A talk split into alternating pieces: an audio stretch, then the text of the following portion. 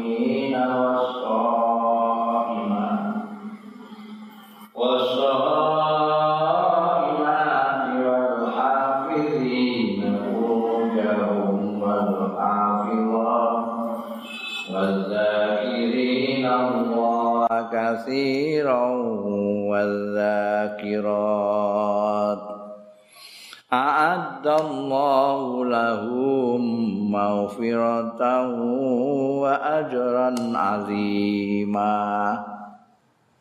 ini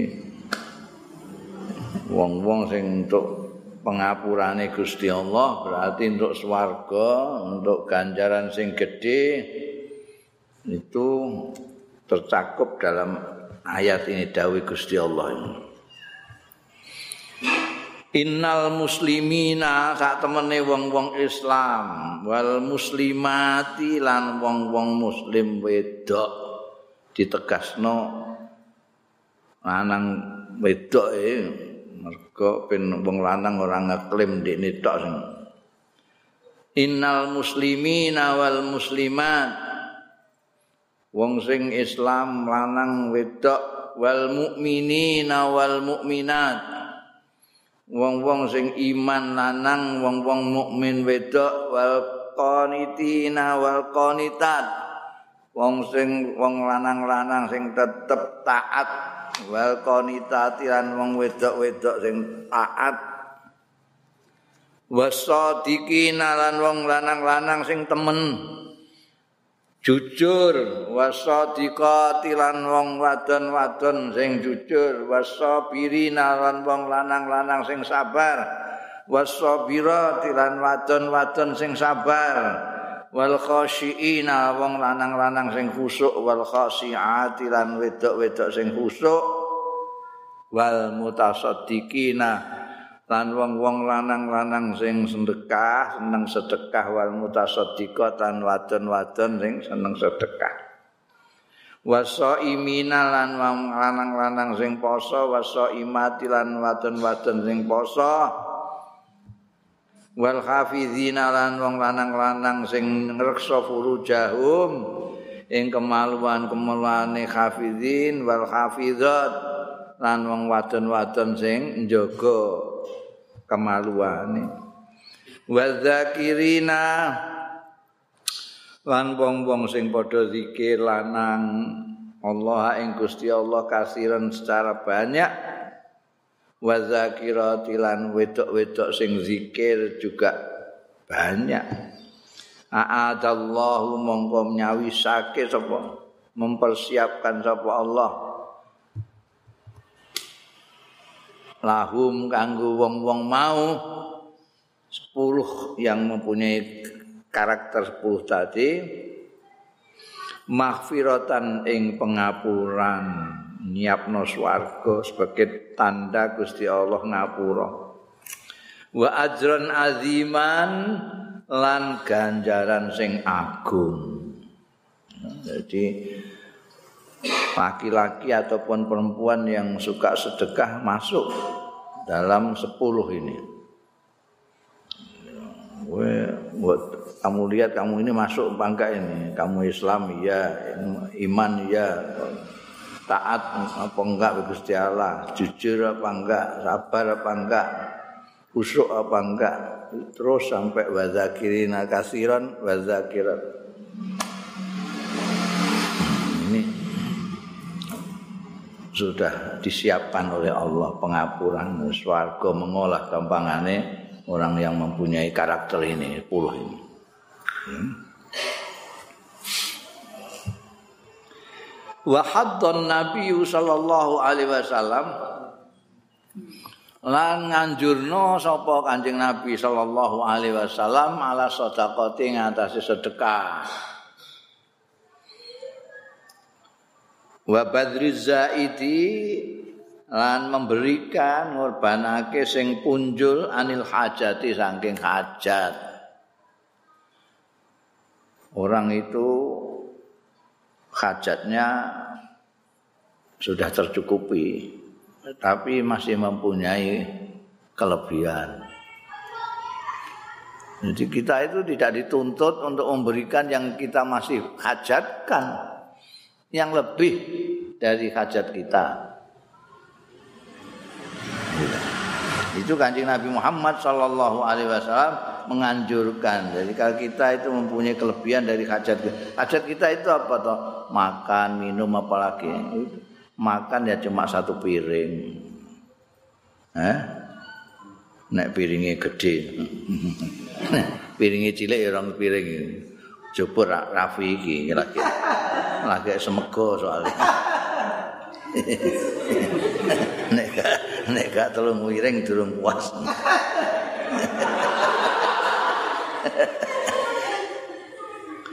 Iya, ya. Nek wis cukup kita itu ada lebih. Ya, untuk apa? Kita berikan kepada orang yang memerlukan, yang mempunyai hajat, dia tidak memiliki. Faqala mongko dawuh sapa Kanjeng Nabi sallallahu alaihi wasallam fi marawahu ing dalam hadis kang riwayatake ing Mas apa Muslimun Imam Muslim an Abi Umamah ta sing Abi Umamah Sudab ni Ajlan radhiyallahu anhu. Yabna Adam. Eh anak Adam. Menungso terse. Innaka sak temene sira intabzula lamun memberikan hmm, mencurahkan mengorbankan. Al-fadla ing kelebihan iku khairun wa bagus laka tumrape sira. Wa intam siku lamun ngeker sira ing fadl rujuke ning fadl iku syarun ala laka keduwe sira. Wala tulamulan ora dipaidu sira ala kafafin ing atase cukup. Wabda bima taul lan miwitana sira biman kan wong tak ulu sing ngrumati sira. Anak bojo dhisikno wal yadul ulya utai tangan sing ning dhuwur iku khairun luwih bagus minal yadi sufla timbangane tangan sing isor tangan dhuwur yang memberi tangan isor yang menerima yang meminta. Ya. Wong luwian kok nek isih mbok hajatno ndak dituntut untuk memberikan kelebihan itu. Wong luwehane kok ngeculno abote ra karuan. Diceketem terus saya itu elek itu. Luwean diceketem terus saya. Ana wong butuh ning kiri kiri kanan ora ditasarno kanggo itu dicekel dia. Syarrun lak. Nah, gue nek arep uh, urip kecukupan gak ma gak masalah, tapi nek luweh itu mbok yo ngerti ning gone dulur-dulure sing ora duwe sing membutuhkan ya. Terutama sing dadi rumah tangga kuwi. Ana wong kok mau awake dhewe sing diupeni iku ya egois dhewe fadlu iku apa sih wal fadlu sing ana ning dawuhe Kanjeng Nabi intabdul fadla mau. Memberikan yang fadl itu lebih baik. Timbangane mbok ceketem. Apa fadl itu wa ya fadl iku azza itu sing punjul an hajatil insani saking kebutuhaning manusa li nafsihi kanggo awak dhewe insan wali iyalihi. Lan keluargane insan. Artine man yamunuhum wong sing eh, mendanai eh, membiayai iya insan ing man itu iya anak putu apa neh sing di rumah jadi rumah itu lah itu sudah cukup semua masih ada lebih. Itu namanya fadl. Yang sebaiknya dikasihkan di sodakoh no wal kafaf nih gue dawuh wala tulamu alal kafaf. Iku ma barang tuhat tapi sing ditutupi bi kelawan ma apa al hajatu hajat kafaf itu kecukupan. Ini sesuatu yang bisa menutup hajatmu itu namanya kafaf. Itu mbok orang mbok kayak nopo nggak apa-apa itu kanggo nutupi hajatmu dewi sing punjul itu mau lho. Wal badu biman ta'ul alai nafakatuh mantaul iku man wong tajibu kang wajib alaihi ing atase insan apa nafaqatuhu nafaqah iman. Bayane min zaujatin nyatane bojo wa waladin lan anak wa qaribin lan kerabat wa dabatin lan tumpaan dabatin iku. Kowe duwe jaran jaranmu ya kudu pakan jaran saiki bensin sepeda motor soalnya. Wa khadimun lan khadim. Iki kajat iki batu biman ta'u jadi kamu dahulukan ini. Bojo anak kerabat tumpaanmu kuwi eh? terus kadam. Baru lebihannya sedekahkan Waliyadul ulia utahe sing dimaksud tangan atas iku al munfiqah, tangan yang memberikan nafkah. Wasufla tangan ngisor iku al akhidah yang menerima, yang ngambil. Wa fihi lan iku ing dalam hadis mau khastun utai anjuran alal amali ing atase ngamal bekerja wa tanfirun lan mlayokake minas suali saking njaluk-njaluk. Jadi orang itu jangan jaluk tapi kerja. Ail istizda. Tegesi ngemis, ngemis itu tidak baik. Makanya orang harus bekerja. Dulu itu Allah yarham Kiai Bisri Mustafa itu ngandani santri-santri. Kamu jangan sekali-kali pulang terus map pepeh wis ngapal alfiah iso maca Fathul Muin barang teko ke pondok terus langsung masang papan. Eh, di sini akan diulangkan ilmu-ilmu agama oleh kiai yang baru datang dari pondok pesantren. Nopo Fulan bin Fulan.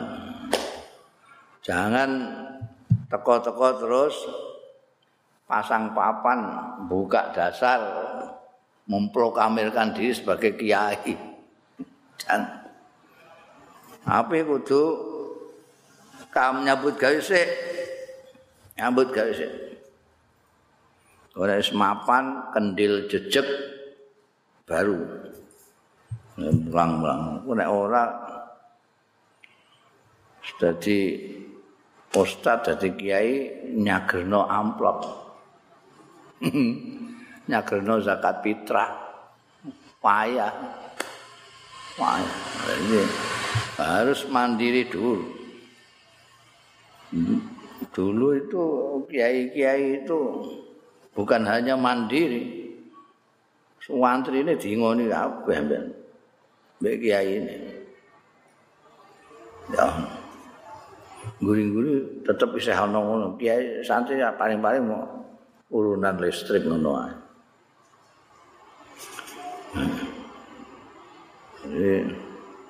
Nah, ana kiai terus dingoni karo santri ini kan ya payah. Iku kan padha karo apa jeneng ora kiai ku. Lalu kowe ngelamar jadi guru agama sekaruan itu ono beslite eh wani jadi ya ya itu mandiri supaya tidak menjadi beban masyarakat. Ameh berkhidmah kepada masyarakat menjadi beban itu nah baik. Ini dianjurkan untuk amal. Wa muslimun aidon an Abi Hurairah lan riwayatake sapa Imam Muslim aidon halimane an Abi Hurairah ta saking sahabat Abi Hurairah radhiyallahu anhu anna Rasulullah satuhune Kanjeng Rasul sallallahu alaihi wasallam. Kala dawuh sapa Kanjeng Rasul sallallahu alaihi wasallam mana qasat sedekahun min malin. Orang ngurangi apa sedekah sedekah min malin ing bondo apapun min malin. Ana mine. Jadi sedikit pun harta sedikit sedekah itu tidak mengurangi sedikit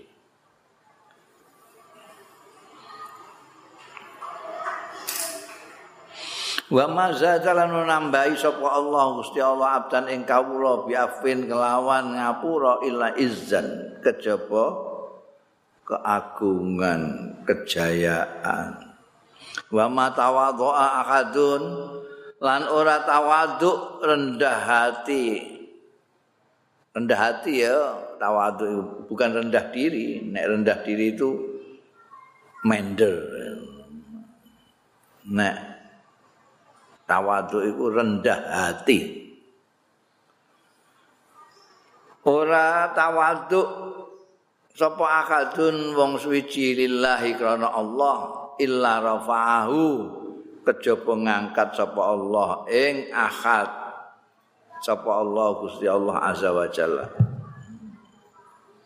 Kadang-kadang orang itu mengira salah. Iki dawuh Kanjeng Nabi. Kalau kita percaya iki hadisnya sokeh Imam Muslim. Ini percaya mek Kanjeng Nabi Muhammad sallallahu alaihi wasallam. Orang yang sedekah itu karena mengeluarkan sesuatu harta jadi wajar kalau mengira bahwa dengan sedekah itu uangnya berkurang.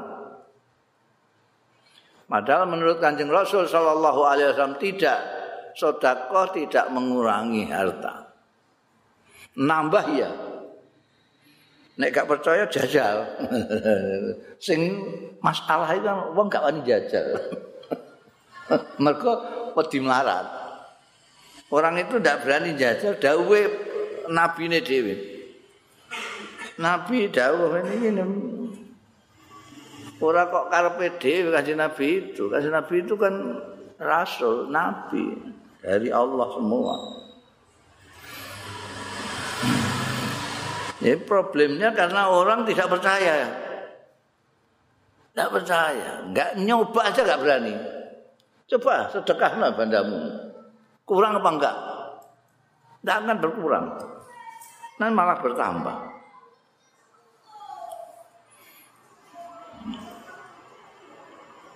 Dari mergo aku wis njajal, aku wis njajal. Aku asalnya biyen ya rada bakhil. Hmm. ya, ya kayak umum mewang ah. Iman-iman ada duit iman-iman. Jajal ternyata justru tambah banyak harta itu. Kayaknya tambah. Tak jajal kok jari ini kok tikele kok sepuluh. Jajal sewu. Orang lesuwe untuk sepuluh hewu. Wah, nek ngono tak 10.000 ae. Satu satu. Ora aku cek ngoyo nek 100 mau iso untuk sak juta. Atau untuk sak juta tenan. Nek piye ora percaya. Ora timbang percaya karo kanjeng Nabi wis dijajal. Nek wong tak kandhani ngono ya isih tetep rawani jajal ae wong-wong. Wong jajal. Wa ma zadallahu 'abdan bi'afwin ila izzan. Orang mengampuni orang, orang memaafkan orang itu mengira dia itu terus jadi lemah. Wah. Dianggap lemah. Dionek-onek ngono kok. Kok di ngapura. Yang dirasanimu. Dianggap orang lemah. Tidak. Orang yang memaafkan orang lain malah bertambah kuat, tambah apa luhur kedudukannya. Orang wah ndak lalu jatuh mergo dia mengampuni orang. Lagi ini ada tiga hal ini memang banyak orang mengira yang berlawanan. Orang yang rendah hati karena Allah tawaduk itu diunggahno gitu. Orang yang merendahkan rendah hati itu malah diangkat oleh Allah taala. Sebaliknya orang yang sombong membesarkan diri itu justru Allah. Man tawadhu'a Allah wa man takabbara Allah. Wah, itu aku setahun jajal juga. Bisa jajal. Dan pokoknya pokoknya daun-daun itu tak jajal kabeh. Jajal ana sing sengaja, ana sing enggak sengaja. Iki wis viral, wis tak critakno ning dinding. Waktu saya itu mondok Kerapia itu, pernah satu ketika itu saya itu cerdasnya luar biasa. kok umpama saya tidak takabur? Ya saya masih cerdas sampai saat ini begitu takabur Allah. Ayat itu waktu di pondok di Kerapia itu semua yang saya baca langsung apa saya baca apa sekolah ada ruang dua ruang kelas. Yang saat sini saya di ibtidaiyah kelas akhir sana sanawiyah kelas satu. Pelajaran dua-duanya bisa saya terima. Pelajaran sini juga saya ketangkep pelajaran sini tangkep hmm. Wah melete aku cilik dewi pondokku cilik dewi turu ngono digugah guru ditakoki langsung jawab. Oh. Jadi cilik dhewe kaya ngono iku. Jadi terus ana swara ning gone anu isunya terus wah itu duwe ilmu ladune iku. Gusmus ilmu ladune. Gak tau sinau tapi yang krungu isu ngono iku terus malah aku nek ndres ndelik. Hmm, pindarani tenan. Eh, ndres ndelik jadi gak ana wong sing roh aku ndres mergo aku ndres ndelik. Gak ning kuburan ya ning ndi ngono pokoke. Ya kita gak ndres. Wah, nomor siji terus. Ijeh kelas siji sanawiyah wis dikongkon mulang karo Kiai Ali. Iku gak ana gurune ulangan. Boten.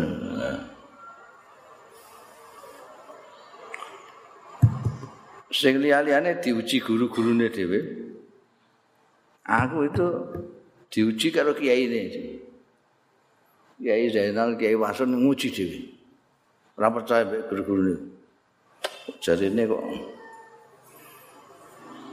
apa nek diulang turu diulang dolanan dolanan gambar kita kok iso niku sing kandha sapa sik amuk jadi saking sombongku iku ngantekan apa jenenge? Ya digedingi bareng mbek kiai apa mbekan guru-guru iku. Guru-guru sing tak sepelekno iku lah Wah, wah iki engko paling-paling takokane ngene, aku ngerti. Iku Jadi mun ini dulu nulis pertanyaan durung rampung wis roh. Iki mesti meh ngene takokane. Jadi ini gurune nulis pertanyaan ketujuh, saya sudah jawab pertanyaan keenam. Jadi begitu beliau mengatakan yang sudah selesai boleh keluar. Aku langsung keluar. Wong iku wis weker kabeh wae.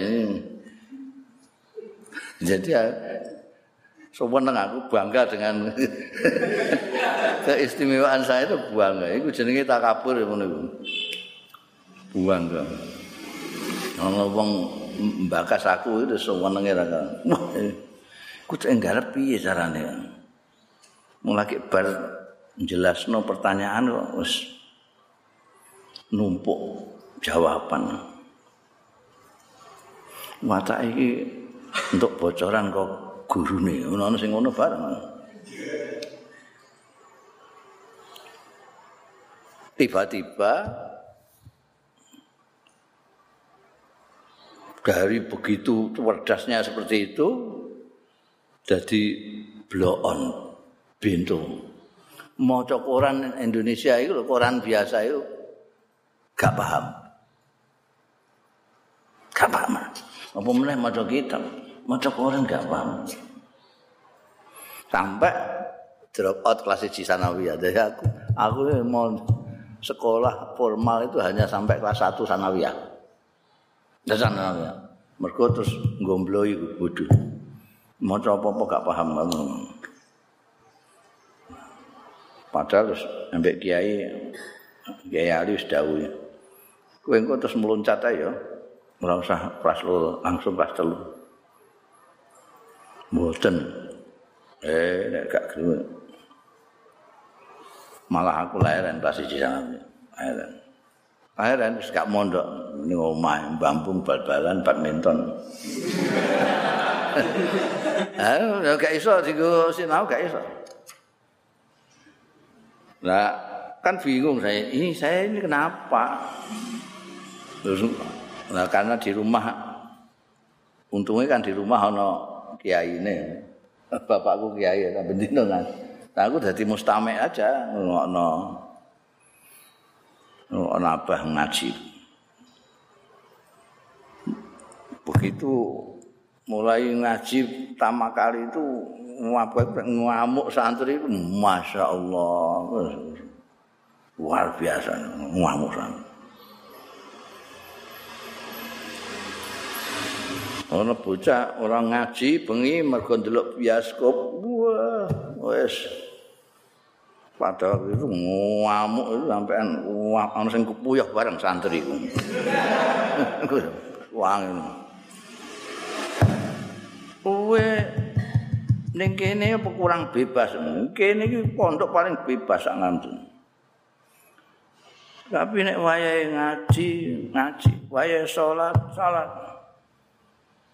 Nek kowe wayahe ngaji, orang ngaji, iku kowe ngenyek kitab, ngenyek kiai, ngenyek mualif kitab. Mbok sepelekno kabeh.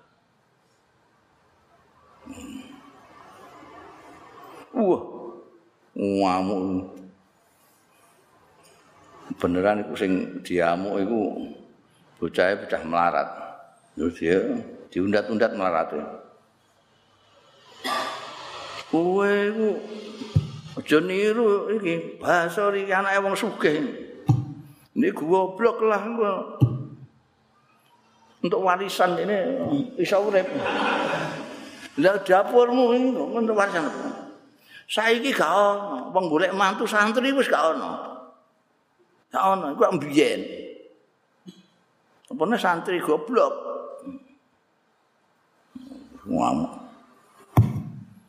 Iku wani ninggal ngaji, tinggal keluyuran.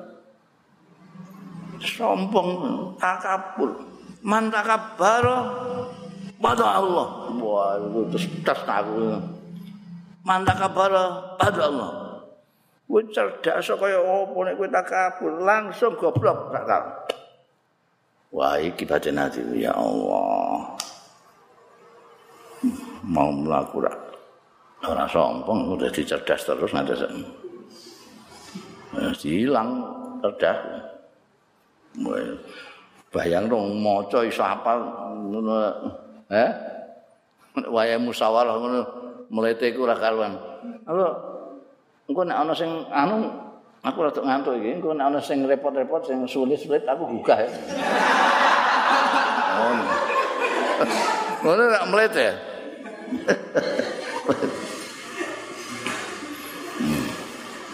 Diajar karo anu apa? Oh, guru-guru sing guru sing sentimen-sentimen ku jajal aku terutama guru-guru sing magang lagi ana apa pengabdian ngono kae. Tak tinggal gambar bareng ngamuk. Besok pagi apakah nafiah 50 bait dari ini sampai ini.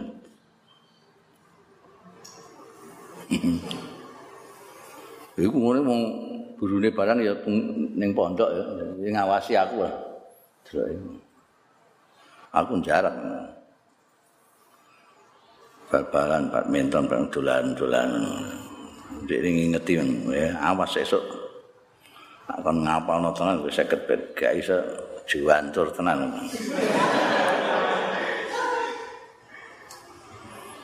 Nah, dilalai besok berangkat sekolah lagi kelingan di kongkong ngapal no itu, baik dijantur tenan aku. metu kok godaan tak apalno nganti tekan sekolah. Tekan sekolah wis pas 50. Kongkon ya bener. Kok godaan di sekolah 50. 500 meter. Jadi 500 meter bagi 50 berarti. Ngono kok ilang blas. Sudah digomblok. Oh didalili apa iku nalika iku dalil ya gak ono hubungane mbek aku, hubungane mbek santri sing ora ngaji iku. Jadi iba air itu itu tidak bisa ngilmu itu kayak banyu. Kalau kamu merendah, air akan datangi kamu. Karena air itu maunya yang merendah. Ini kamu ketinggian sini nggak dapat, airnya tidak mau ikut kamu. ngono. Eh, akabur itu ndadekno tawaduk ndadekno. Maka orang-orang yang tawaduk itu malah jadi diunggah-unggah nembe wong dihormati wong mergo Gusti Allah sing ngangkat. anggere tawaduke lillah ya ono sing tawaduke digawe-gawe ya ono ono gawe-gawe. Tawaduk itu bukan fisik. Tapi apa namanya mental. Ai inna sadaqata la tangkusul mal. Sedekah itu orang ngurangi al malaing bondo. Li anallah karena sunni Gusti Allah yubariku fihi. Oh, itu rahasiane ning kono kuncine. Mergo Gusti Allah taala itu berkahi fiing dalam bondo. Nek mbok sedekah itu padha karo jagung kae. Jagung mbok katheki iku malah wohe ndadi. jagung. Kowe ora mau gayamu koyo plonga-plonga, gak roh jagung ya mung desa Jagung. Kowe tau nandur jagung apa ora? jagung kan dikatheki. Katanya di jiku kathek itu dipotongi yang kecil-kecil itu Itu sedekah, jadi berkah. Malah jadi apa ini? grembyung ngene wijine li anna Allah karena sedaya Gusti Allah taala iku yura yubariku fihi. Berkahi sapa Allah fi ing dalem mal wa yu'awidu madzhaba minhu. Lan ngijoli sapa Gusti Allah maing barang zahaba kang ilang minhu saking mal. Dijoli mek Gusti Allah taala. Dan ijole ora baen-baen. Wong Gusti Allah sing ijoli. Luar biasa. Wa man afa irtafa wa sama fil qulub. Tai wong sing ngapura iku irtafa dadi naik derajate wa sama lan munggah fil qulub lan lu mulya fil qulub ing dalam pira-pira atine wong. Ora kok malah dinyek. Ah, iku gak wani. Gak wani soalé dadi yo ngapura. Enggak. Aman afa itu ngapura. Ngapura dalam kondisi bisa membalas. Jadi kamu disakiti orang, kamu kalau membalas enteng saja. Itu orang yang nyakiti kamu itu di bawah kamu. Bentot kowe. Jadi nek kowe bales, ngacur ini. Tapi kamu memaafkan. itu. Ngapura sing ngono kuwi iku menaikkan kamu, menaikkan derajatmu. Wa man tawadhu'a rafa'ahu Allah fid dunya wal akhirah. Ta sapane wong sing tawadhu rendah hati. kayak yang diajarkan latihannya seperti yang diajarkan oleh Imam Ghazali rahimahullah Imam Ghazali mengajarkan kita itu supaya tawadhu setiap kita melihat orang selalu kita merasa lebih rendah dari dia kalau lihat anak muda anak kecil wah anak kecil ini lebih hebat dari saya. Dia tidak punya dosa sama sekali. Saya dosanya banyak. Kalau lihat yang orang tua, orang tua ini luar biasa mesti. Tidak bisa nututi aku. Orang tua bersekian ini mesti ngamalnya banyak sekali. Saya baru amal sekian, dia sudah amalnya sudah sekian lamanya.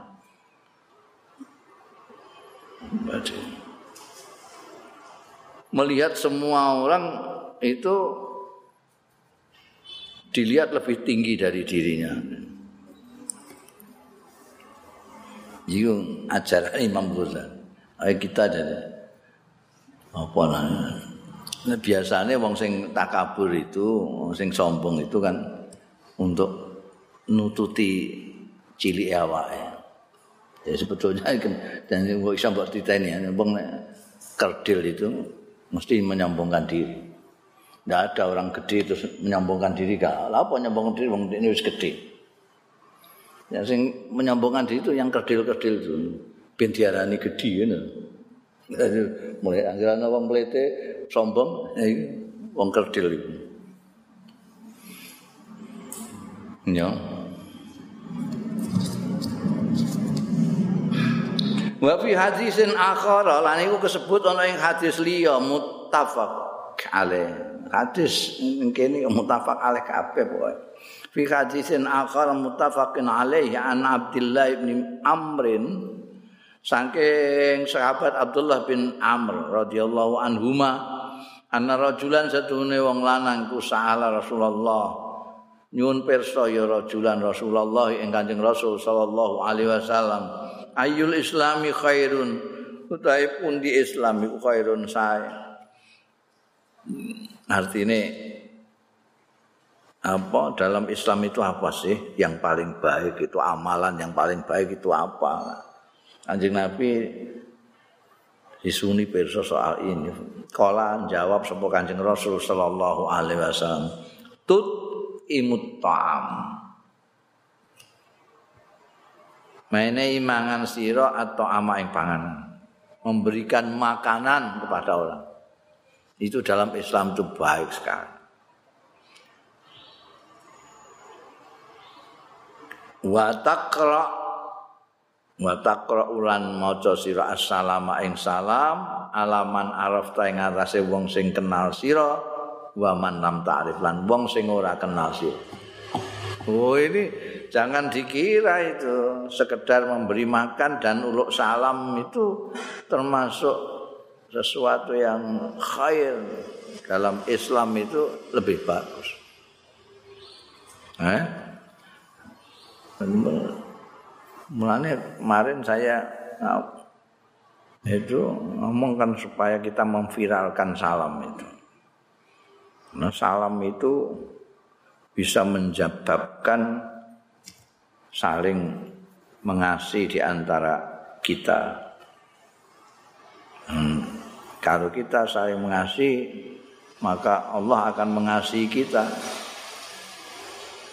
Kalau kita saling bengkerengan ya jarno mbek Gusti. Kemarin dawuh Kanjeng Nabi ala adulukum kamu tidak ingin saya beritahu supaya kamu bisa saling menyintai, saling mengasihi. Ufsus salam. Sekarang ini hadisnya juga diulang wa taqra'us salam alaman araf man lam. Temu wong ketoke kok ketunan assalamualaikum warahmatullahi wabarakatuh. Assalamualaikum. dibiasakno sampai menjadi budaya salam itu. Sekarang juga sudah. ini wong Islam ora wong Islam saiki wis fasih salam itu. Cuma kita sendiri kan jarang memviralkan di antara kita. Padahal itu doa. Doa. Makanya disebut termasuk khairul Islam. Ayul Islami khair tut'imu ta'am wa taqra'us salam. Wa it'amu ta'amu ta'i memberi makan iku yasmalu mencakup it'amu ta'am as-sadaqata wal hadiyata, sedekah dan hadiah. Apa bedanya sedekah dengan hadiah? Sedekah itu kita berikan eh, dengan asumsi kita lebih daripada yang kita sedekahi. Kalau hadiah ini untuk yang sejajar atau di atas kita. Hadiah.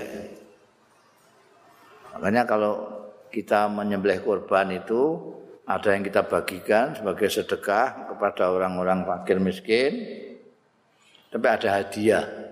Kita masak, kita ngundang orang-orang yang tidak fakir miskin, yang sejajar dengan kita orang biasa. Nah. Memberi makan itu mencakup sedekah dan hadiah sekaligus. Karena kamu mengeluarkan harta itu memberi makan itu. Wah, biyen itu ono tokoh-tokoh ulama-ulama besar itu yang tidak mau makan kalau tidak ada kawannya. Jadi sini emeh dahar goleki wong ngejak uang sik sing iso dijak mangan.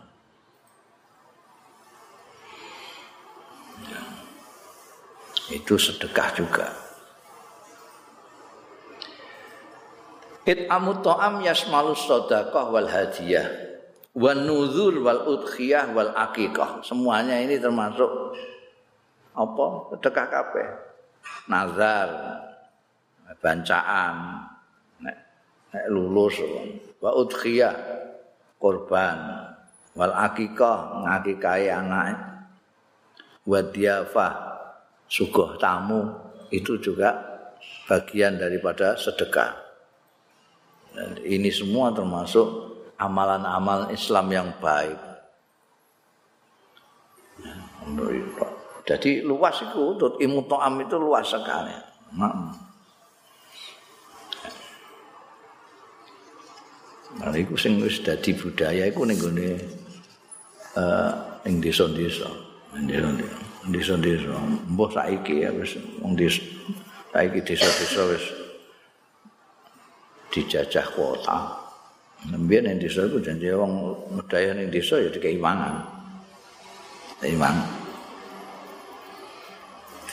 Nau tahu medaya yang magelang ngono iku ning kancaku dijak ning liik mangan. Bar ning liik ning Pak Dine mangan neh. Bar iku ning bae mangan neh. Wah kemelkaran aku. Untungnya aku duwe donga supaya ora war-war iku. Kul-kulun mi indilah kul ta'am bahlillah iku gak duwe iku bledos tenang weteng. Mongko yang merdaya imangan dhewe Kemudian kiai-kiai itu ndak wae ya iso ngantek nancep. Ngantek menjadi budaya memberi makan.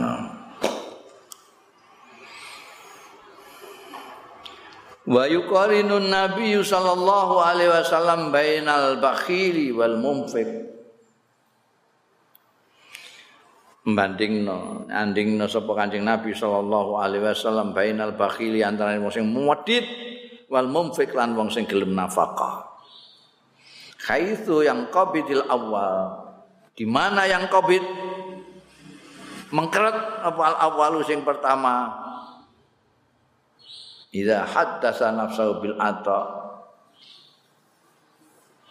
atau idza khutisa karena diomong ya pun nafsu awake dhewe bil ata iklawan aweh. Nek dikongkon aweh-aweh ngono wah ana sumbangan was nyengketet nyengket wal mumfik awil jud utawa wong sing gelem nafkah utawa al jawad wong sing lomo yang syarihu sadr. Itu terbuka uh, menjadi lapang apa sadru dadane munfik Watati bulan seneng apa nafsu jiwane munfik bil badli kelawan awek. Yang satu jeketek nek wis diomong anu wah. Iki ana wong mara iki atake njaluk sumbangan iki durung-durung wis. Dadane sumpek kabeh. Beda nek wong sing jawat, wong sing munfik itu malah lega maneh wah. Iki untuk peluang ganjaran ini. Qala Allah taala. Dawuh sapa Gusti Allah taala. Wa may yuqasuha nafsihi fa ulaika humul muflihun. Wa man utai wong yuqa sing dijaga. Ngantek dia tidak mempunyai sukha nafsihi. Direksa sukha nafsihi ing cewetile awak dhewe ne man. Dadi lo mau direksa saka cetil.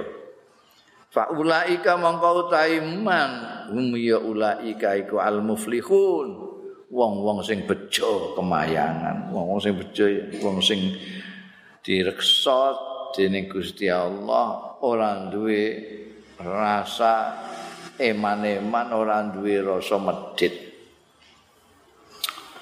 Rawas Syekhani riwayatake sapa Imam Bukhari Muslim an Abi Hurairah ta sayang sahabat Abi Hurairah radhiyallahu anhu annahu sami'a Rasulullah. Nau satune sahabat Abi Hurairah iku sami'a mireng. Ya sahabat Abi Hurairah mireng Rasulullah ing Kanjeng Rasul sallallahu alaihi wasallam. Dipireng yakulu ingkang dawuh ya Kanjeng Rasul sallallahu alaihi wasallam. Masalul bakhili wal munfiq kama sari rajulain alaihim bima junnatan masalul bakhili utahe tepaning wong bakhil wong medit wal munfik lan wong sing lomo sing gelem nafkah no bandane iku kamasari rajulaini kaya dene wong lanang loro alaihi maiku ana ing atase rajulain junnatani utawi tameng loro. Tameng iku saiki baju perang itu apa? Baju besi untuk perang itu. Min hadidin saking besi baju besi.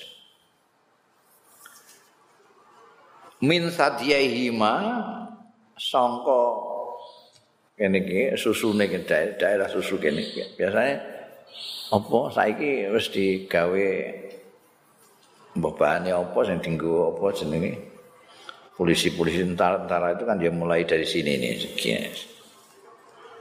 Mulane nek sing pinter iku musuhe ditembak ning kene gak ning kene kene tatap iki. Biyen besi ana kae sing gambare kaya dodo tapi dari besi tongangkepno ning baju besi. Bahasa Arabe darun kene junatani. Ada dua orang pakai itu baju besi itu. Mulai dari dadane ngene iki sajya hima sajya itu dad apa susu buah dada. Ya. dari sini. Ila taraki. Hima. Sampai tulang apa? Taraki hima selangka itu apa? Iki lho, ini Iki apa? Balung apa jenenge? Eh, kowe. Iki apa? Balung apa jenenge? Nek kene iki entong-entong aku roh ning guri. Sing kene iki. Bahasa Indonesia selangka, terang selangka. Iki lho. Kan ada tulangnya. Tung Jawa kok gak iso cara Jawa kowe. Coba aku wong Indonesia, ngerti. Fa amal munfik ana dene wong sing gelem nafkahna mbok maknane apa iku pokoke tulang ini tulang antara ini leher ini sampai ke ini pundak. Fa amal munfiq ana dene wong sing nafkahna fala yunfik illa sabaqat mongko ora nafkahna sapa munfik ila sabagat aw wafarat kejaba berkembang sabah ai wafarat tegese mengembang. Mengembang ala jildiye atase kulite munfik.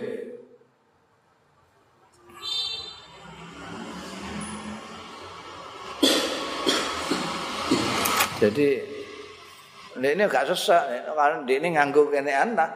Tapi kalau dia menginfakkan ini menjadi longgar, sabar longgar, berkembang itu. Mungkin dari besi ya. Jadi mengembang besinya jadi longgar.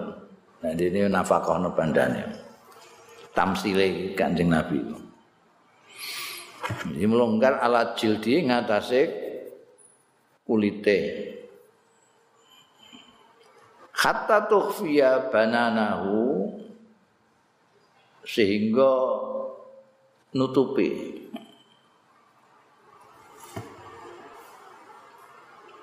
Apa? Iki mau junai mau. Bananahu wa ta'fu asaruhu.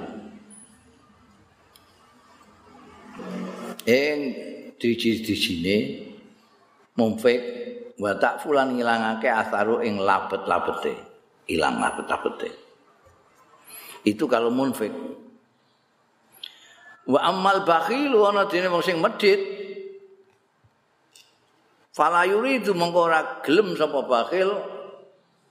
Ayung fika yen to nafaqahna saean ing apa-apa. Illa lazakat kejaba jadi lazakat mengkeret apa nyengkerem men, uh, nempel. Ya junah mau. Oh la la zakat kullu halqatin saben-saben keluangan itu kan ada cincin-cincin ada yang apa namanya oh gak tahu lah baju anu ya baju baju besi yang dipakai orang di sini ada yang seperti itu di sini ada yang keluar keluar keluar lubang-lubang jadi nutupi badan tapi dari seperti cincin-cincin gitu. Banyak orang itu bakhil, dia tidak mau kasih. Setiap ada orang yang meng, perlu dinafkahi, dia nggak mau nafkah. Maka itu semua yang cincin-cincin itu jadi eh, lazakat. Hmm, jadi apa sini nempel melek melekat apa apa nempel. Ulu halakatin makanha ana ing panggonane halakah. Bahwa mengkau utawi bakhil uha itu ber, berusaha untuk uh, ngambak uha itu ngambakno no jadi cilik ini mbah ombak-ombakno apa jenenge apa ngono iku? Eh? Cilik ini mbak ombak-ombakno itu apa jenenge jembeng. Apa kepengin ah. Rasa Jawa kok angel temen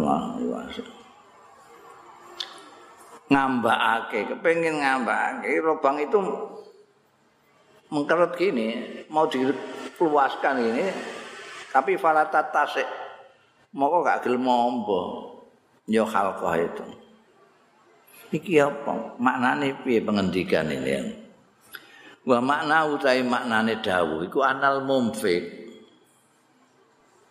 setuhune wong sing lomo sing gelem nafkahna bandane kulama amfaqa semongso-mongso nafkahna sapa munfik sabagat mongko berkembang wa talat dadi modot. Junahnya itu hatta tajri waraahu ha? Enggo mlaku mili. Ya junae ma waraahu ning burine wa tukhfi lan nutupi rijlaihi ing sikil lorone. Munfik.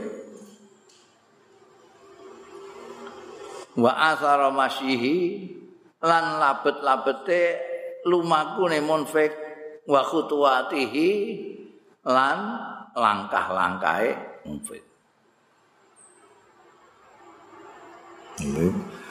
Jadi bajunya memanjang itu sehingga dia di sini bajunya sampai ke, melewel ke sana. Nanti orang tidak bisa melacak karena tipa-tipanya dihapuskan oleh itu. Junahnya itu. Jadi bukan hanya baju pelindung awak tapi juga melindungi dirinya sendiri dari musuh karena jadi modot ngono mau. Nek anu mengkeret ora wis nek sing bakil. Wa kana nabi lan ana sapa Kanjeng Nabi sallallahu alaihi wasallam iku masalan merupakan contoh akla sing luhur lil judi kedue kedermawanan wasakha ilan kelomanan bin nafakati kelawan nafkah. Tidak ada yang lebih dermawan, lebih lomo, lebih banyak nafkah ngungkuli kanjeng Nabi Muhammad Shallallahu Alaihi Wasallam. Contoh yang paling agung dalam kedermawanan dan kemurahan itu kanjeng Rasul Shallallahu Alaihi Wasallam. Rawa Muslimun riwayatake sapa Imam Muslim an Anasin radhiyallahu anhu. Anas bin Malik ini melayani Kanjeng Nabi itu lebih dari 10 tahun. Jadi khadami Kanjeng Nabi. Jadi hadami Kanjeng Nabi. Orang dekat sekali wong ngladeni Kanjeng Nabi. biyen embe ibune memang dididik nang Kanjeng Nabi niki seneng gawe niki Kanjeng Nabi kesane tumut jenengan ngewangi-wangi jenengan. Jangan utus napa mawon. Wah, rigel ki mbak. Ini sampai 10 tahunan melok Kanjeng Nabi. Nah, banyak hadis-hadisnya yang dari apa Anas bin Malik ini karena yaitu kedekatan beliau ketika menjadi khodami Kanjeng Nabi. Kala ngendika sapa Anas radhiyallahu anhu, "Masu ila Rasulullah." Ora disuwuni sapa Kanjeng Rasul sallallahu alaihi wasallam alal Islam ing atase Islam iki saean ing apa-apa illa aqtahu. Kejaba maring sapa Kanjeng Rasul sallallahu alaihi wasallam maringake ing syek. Jadi artinya untuk supaya uh, menampilkan akhlak Islam, tampilan Islam itu kanjeng Nabi Muhammad Shallallahu Alaihi Wasallam itu sampai tidak pernah dimintai apa pun tidak memberi tidak pernah selalu memberi Jadi, itu alal Islam jadi Nah, wong terus tertarik, tertarik kepada Islam itu ada yang karena kemurahannya Kanjeng Rasul sallallahu alaihi wasallam itu. Orang kayak zaman Fathu Makkah itu. Waktu Fathu Makkah itu Abu Sufyan yang Abu Sufyan asalnya kan musuh. Bahkan panglima perang orang kafir ketika perang Uhud dan perang Ahzab. Ketika Fathu Mekah itu kan Nabi rawuh dengan membawa pasukan dan bawa unta banyak sekali. Itu satu lembah itu unta. Itu Abu Sufyan sampai denger-denger melihat karena dia seperti orang-orang Arab lainnya seneng sekali kalau lihat unta. Ya unta, ndelok unta, ndelok wedhus itu bagus itu. Satu lembah unta tok.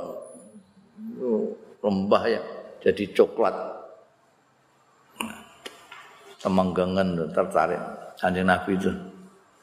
Kamu suka itu ya? Iya kok ada pemandangan sekian banyaknya ya Allah.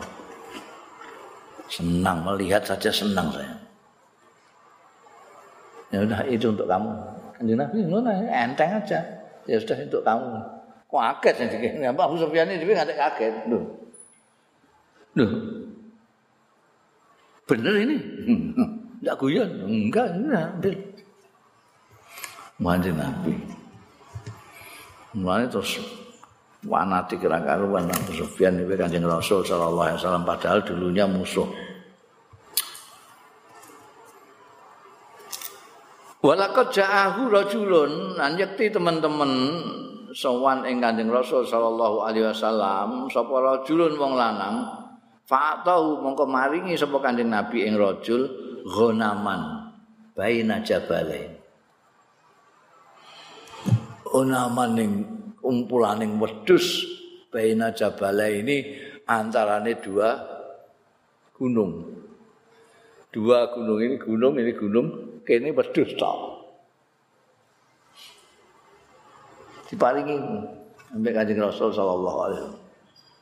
Iya. Faraja'a mongko bali sapa rajul ila kaumi marang kaume rajul faqala. mongko ngucap sapa rajul mau ya kaum he kaum aslimu domel buah Islam sira kabeh. Fa inna muhammadan seduri muhammad iku yuk ti ataan mala yuksal faqr. Hmm, oleh iku. Jadi kayak kampanye kemurahan kita itu bisa untuk mengkampanyekan mengkampanyekan indahnya Islam. Sebaliknya nek kowe nglakoni perbuatan yang tercela itu merusakkan Islam. Ini uang ini bareng tok wedhus mulakai langsung mulai ning gone kaume terus ngumumno ya kaum aslimu do mlebu Islam sira kabeh. Ajakane Kanjeng Nabi Muhammad sallallahu alaihi wasallam. Inna Muhammadan monggo sedune Muhammad iku yukti maringi ya Muhammad atoan atau aman ing pemberiane wong layak kang ora wedi ya man al faqra ing fakir oh istilahno itu Muhammad itu memberikan seperti pemberiannya orang yang tidak takut fakir sama sekali. Wedhus munakit kayak aku kabeh. Seperti orang yang tidak takut fakir. Nah, ini. Kamu kalau lihat orang yang brah-brah itu, itu kan mesti batin ini, ini gak wedi pikir apa ya. Oh, aweh no kabeh dikekno kabeh. Enggak takut, enggak takut pikir. Wa in kana rajul la yuslim ma yuridu illa dunya. Lan mbak ing kana an stune kelakuan kana ana sapa rajul wong lanang la yuslim. Yakti mlebu Islam ya rajul mayuridu. Ing ora ngarepake ya rajul ila dunya kejaba dunya pamayal pas mongko ora suwe ya rajul illa yasiran kejaba sedelok. Kata yakunal islamu sehingga ana pal islamu islam. Ana iku ahabba luwih didemeni ilahi marang rajul minat dunya tanging dunya wa malan barang alaiha kang ing atase dunya. Jadi orang itu semula memang masuk Islamnya karena duit. Karena harta. Ada orang yang karena milik dunia dia masuk Islam. Tapi tidak lama kemudian Justru dia menyintai Islam melebihi dunia wa mafiha. Dianggap tidak ada.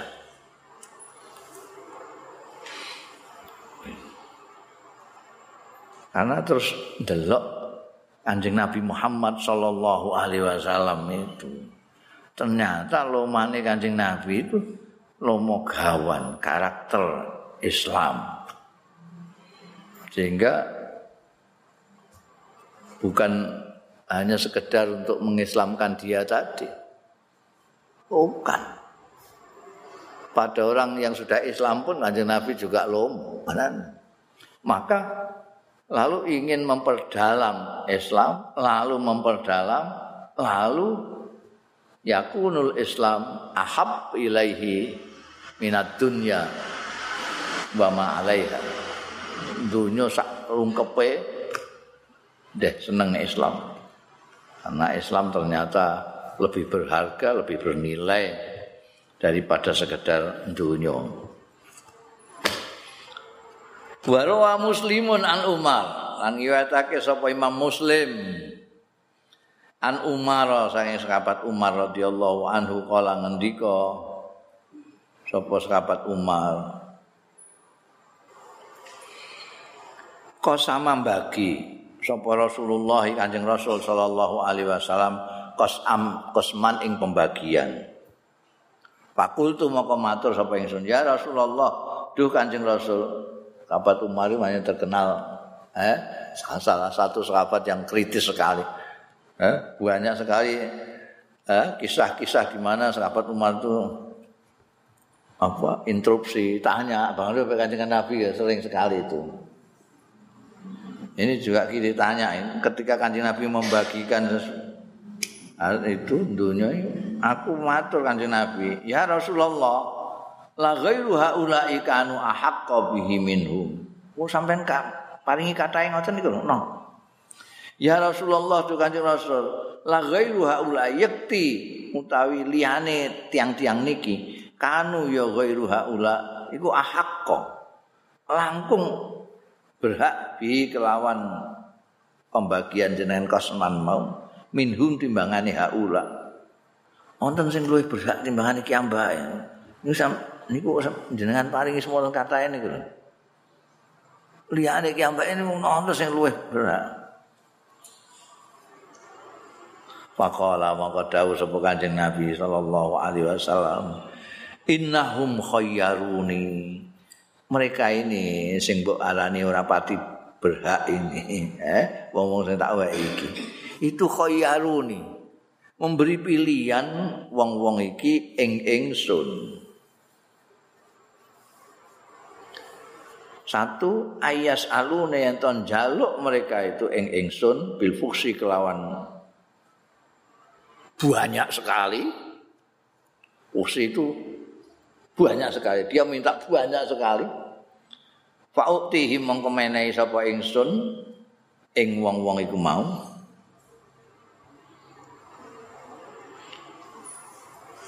Au yubakhiluna ni utawa manganggep bakil sapa wong-wong mau ing ingsun. Padahal welas tu ora ana sapa ingsun ora ana iku bibakhilin bakhil. Eh, ya. Saya hanya punya pilihan, ya. diberi pilihan cuma dua. Saya memberi mereka banyak, atau mereka menganggap saya bakhil. Padahal saya bukan bakhil. Maka saya milih yang saya kasih banyak tadi. Mungkin aku dianggap bakhil, padahal aku gak bakhil. Dosa ini. Oh, ya Nabi ya. Ai innahum alja'uhu Maksudnya kancing Nabi Dawu innahum khayyaruni iku innahum setune orang-orang sing dianggap imam sekabat Umar orang pati pantas dikai lebih pantas orang yang lain tadi lho. Iku aljauhu iku mlayakake wong-wong mau ing Kanjeng Rasul sallallahu alaihi wasallam ila ahadi halain maring salah satu dua kondisi. Ada dua Kanjeng Nabi dipaksa untuk mengambil salah satu dari kondisi dua. imas soal bil fuhsi ana karane dijaluki sing akeh fuhsi itu akeh banget lah. So. ai asyaiul katsir tegese perkara sing akeh wa iman nisbatuhu bil ilal bukhli utawa dinisbatkan nisbatake kanjeng nabi itu ilal bukhli marang bakhil padahal kanjeng nabi ora bakhil Qalal Qadi Husain, eh Qadi Hujat, Qalal Qadi Husain, ana qadi sing terkenal ning kene anu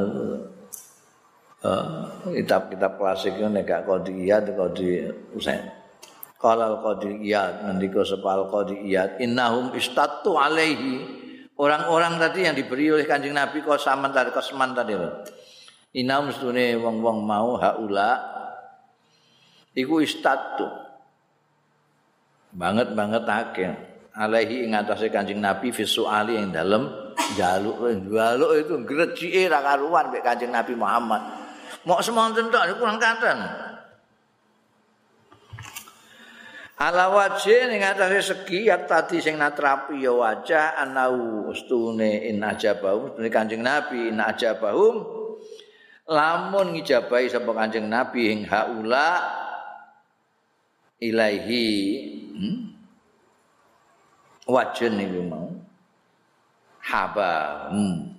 mongko nyenengi ngelem sapa ya eh? habahum wa in mana'ahu lamun nolak ndak memberi Kanjeng Nabi Muhammad sallallahu alaihi wasallam hum ing haula aduhu wa bakhaluhu mongko nglarakno ati ya wong-wong mau ing Kanjeng Nabi wa bakhaluhu lan bakhil-bakhil no wong mau ing Kanjeng Nabi. Fahtara mongko milih sapa Kanjeng Rasul sallallahu alaihi wasallam milih ing ayu tiyayen to maringi sapa Kanjeng Rasul. Sebab apa? Idlaisal bukhlu jalanan ora ana apa al bukhlu bakhil ora ana iku min ulukihi mentale Kanjeng Rasul sallallahu alaihi wasallam, akhlake Kanjeng Nabi. Kanjeng Nabi bukan bakhil. Laisal bukhlu min khuluq min khuluqihi mudaratan wa ta'allufan. apakah hanya untuk bahasa basi atau memang sudah kebiasaan tidak ada anjing nabi itu dalam baik dalam bahasa basi maupun di dalam kebiasaannya tidak bakhil sama sekali. Warwal Bukhari yang ngatake sapa Imam Bukhari an Jabir bin Mut'im annal Arab.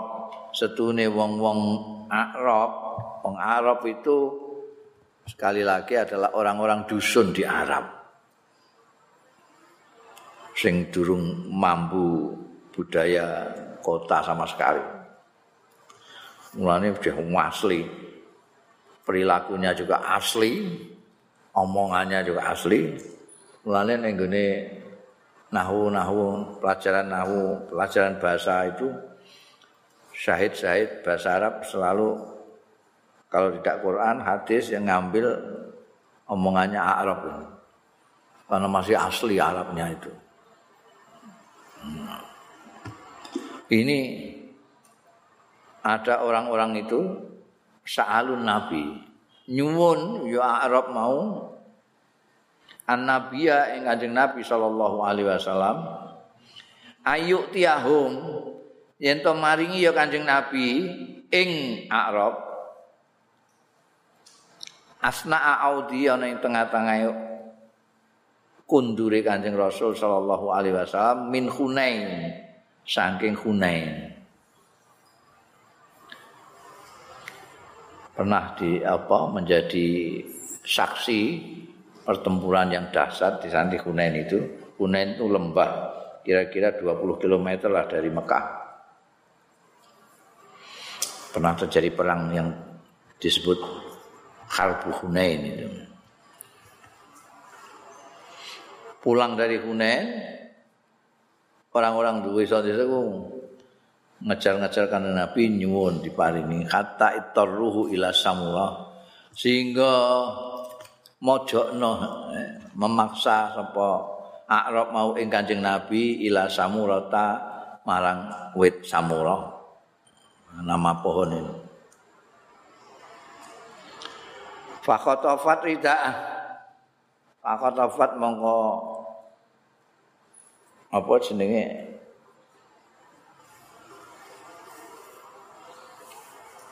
pambimu kena apa pang-pang itu apa jenenge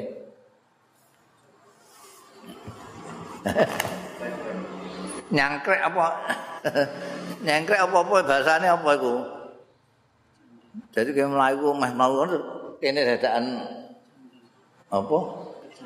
Apa? Candel. Kecandel. ya kecandel. Hmm, kotofat nyantel. Nyantel gak. Ini nyantel ya samurah ridaahu ing ridae kanjeng Nabi. Pakaian biyen itu ada pakaian atas, pakaian bawah. Kayak ikhram itu. Jadi yang bawah itu namanya apa namanya izar yang atas namanya rida mulane hmm, wong maknani izar kadang-kadang sarong kadang-kadang tapeh bareng mergo ngisor dibel-belno ridak niku ridake itu kecantel ambek niku samulang Fakola monggo dawuh kanjeng Nabi, "Oh, tuni ridai." Iki ya piye? Mau panehno ingsun apa?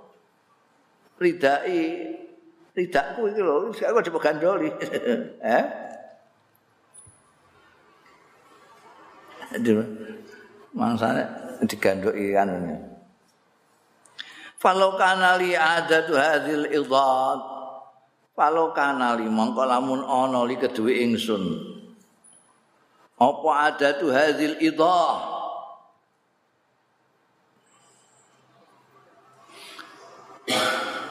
jumlahnya iki-iki wit idah iki samurai itu. Iku samurai itu kaya apa ya? Akeh rine ritok.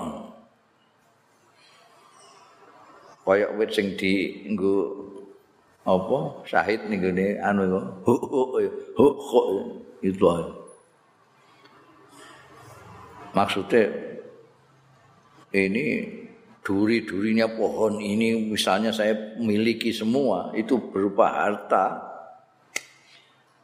Naaman rupa naaman. Walau kana li adadu hadil idot apane naaman rumangkange raja kayane lakosam tuhu yekti mbagi sapa ingsun. Ing ada tu hadil ida bainakum antarané sira kabeh. Cek kuwatir. Aku duwe semulane wis tak bagi kowe. Sumala tajiduni bakhilan mongko keri-keri ora nemu sira kabeh ing ingsun mbok temu bakhilan ingkang bakhil. Wala kazzaban ora goro wala jabbanan nan ora jabban. Jabban itu pengecut orang yang dermawan yang pemurah yang tidak bakhil itu tentu tidak pengecut tidak penakut yang penakut itu wedi melarat itu penakut kalau orang wedi melarat orang aweh ini jadi bakhil. Orang bakhil itu pengecut. Orang bakhil itu bisa menjadi pembohong. Eh? Mbak utangi ini gak duit. Eh? ngerti nek kowe utang sini wah ya Allah oh, ngene iki nasib kok ngene iki hmm? jadi kowe durung ngomong utang dekne wis ora potonganmu potongan arep utang dia langsung ngeluh dhisik. Iku kan bohong. Aku jae nilai duit. Wah, aku lagi buka menengok. Jadi kasar. Jadi orang bakhil itu bisa jadi pembohong dan jelas dia itu pengecut. Takut eh, besok makan apa, besok nan kalau duitku tak kayak aku putus piye. Ini serba takut. Kanjeng Nabi muat. Enggak, kanjeng Nabi bukan bakhil. Kanjeng Nabi loman, Kanjeng Nabi tidak pembohong, amin, sidik. Kanjeng Nabi tidak pengacut, suja, berani. Mulane Kanjeng Nabi lomo banget. Al-isar wal muasa.